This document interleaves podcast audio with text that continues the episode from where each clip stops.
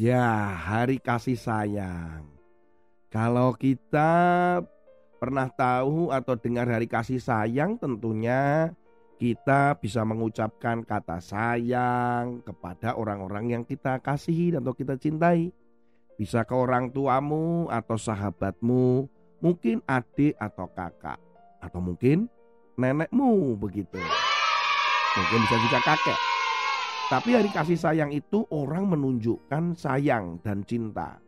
Bisa juga bukan hanya ucapan, bisa memberikan coklat, juga mungkin bisa bunga atau hadiah-hadiah yang lain. Tetapi unik nih yang terjadi di kota Persit di Inggris beberapa waktu yang lalu saat hari kasih sayang itu dirayakan.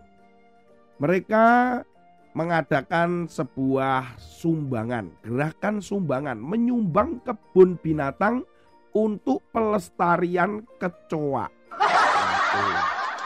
Kaitannya dengan hari kasih sayang itu apa Kak Tony? Nah tunggu dulu. Ternyata kebun binatang yang ada di kota itu, yaitu tepatnya di pusat konservasi Hemsley, dia mengatakan bahwa ini ada sebuah gerakan di hari kasih sayang ini, mungkin ada orang yang tidak ingin mengucapkan sayang atau cinta, tapi mau mengatakan kebencian, kejengkelan dengan memaki-maki.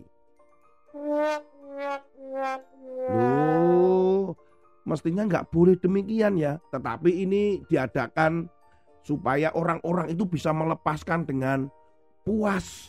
Itu karena jengkelnya itu puas dengan tulisan-tulisan atau surat-surat begitu. Nah, supaya tidak tahu siapa mereka yang dibenci atau siapa yang mereka dimarahin di hari kasih sayang itu, maka mereka boleh memberi nama kepada orang yang mereka benci itu dengan nama kecoa. Jadi jebutannya si kecoa. Nah, karena namanya kecoa, si kecoa. Jadi misalkan nih contoh nih, hei si kecoa jahat kamu. Hei si kecoa kamu sangat menjengkelkan. Mereka akan mendapatkan sertifikat digital yang bisa dikirimkan kepada orang yang memang sedang dimarahin atau dibenci begitu. Untuk mendapatkan sertifikat itu demi sebuah sumbangan yang akan diberikan dan dipakai untuk pelestarian kecoa, mereka harus membayar atau menyumbang satu setengah pound sterling atau sekitar 30 ribuan begitu. Hanya untuk mengata-ngatai, hanya untuk mengatakan kejengkelan dan kemarahan bayar 30 ribu dan orang yang kita jengkelkan dan kita mau marahin kita beri nama kecoa. Ada-ada aja ya. Malah di hari kasih sayang itu kan seharusnya itu mengatakan sayang. Malah ngomong kepada kecoa marah dan benci. Apa salahnya kecoa coba? Ya ada berbagai cara lah orang untuk mengungkapkan kemarahan lewat kata-kata, lewat tulisan.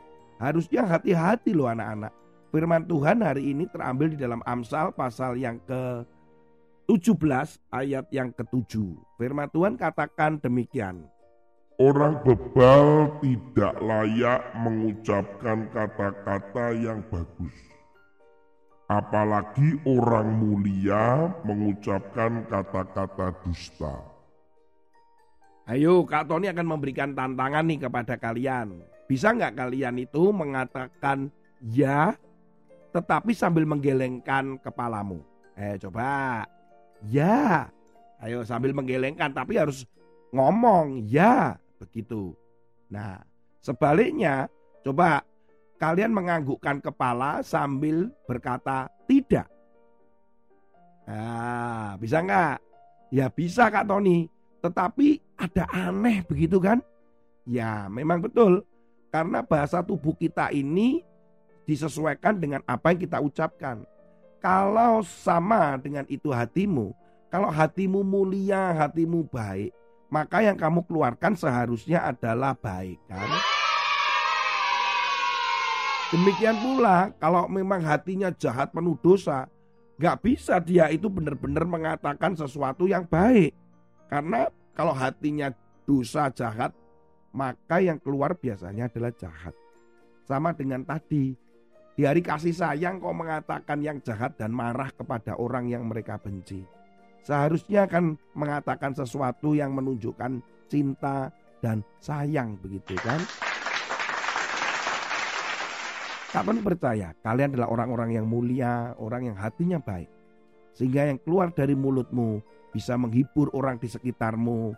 Dan dari mulutmu bisa menguatkan orang, bahkan bisa juga menunjukkan cinta kepada orang lain. Karena hatimu mulia. Begitu. Nah, jangan marah-marah loh ya sama kecoa ya. Padahal Kak Tony itu ketakutan loh kalau sama kecoa itu. Aduh. Jijik gitu loh sama kecoa. Makanya nggak perlulah ditambah-tambahin dengan uh, menulis kepada si kecoa itu. Tuhan Yesus memberkati. Sampai ketemu pada episode yang lain. Haleluya. Amin.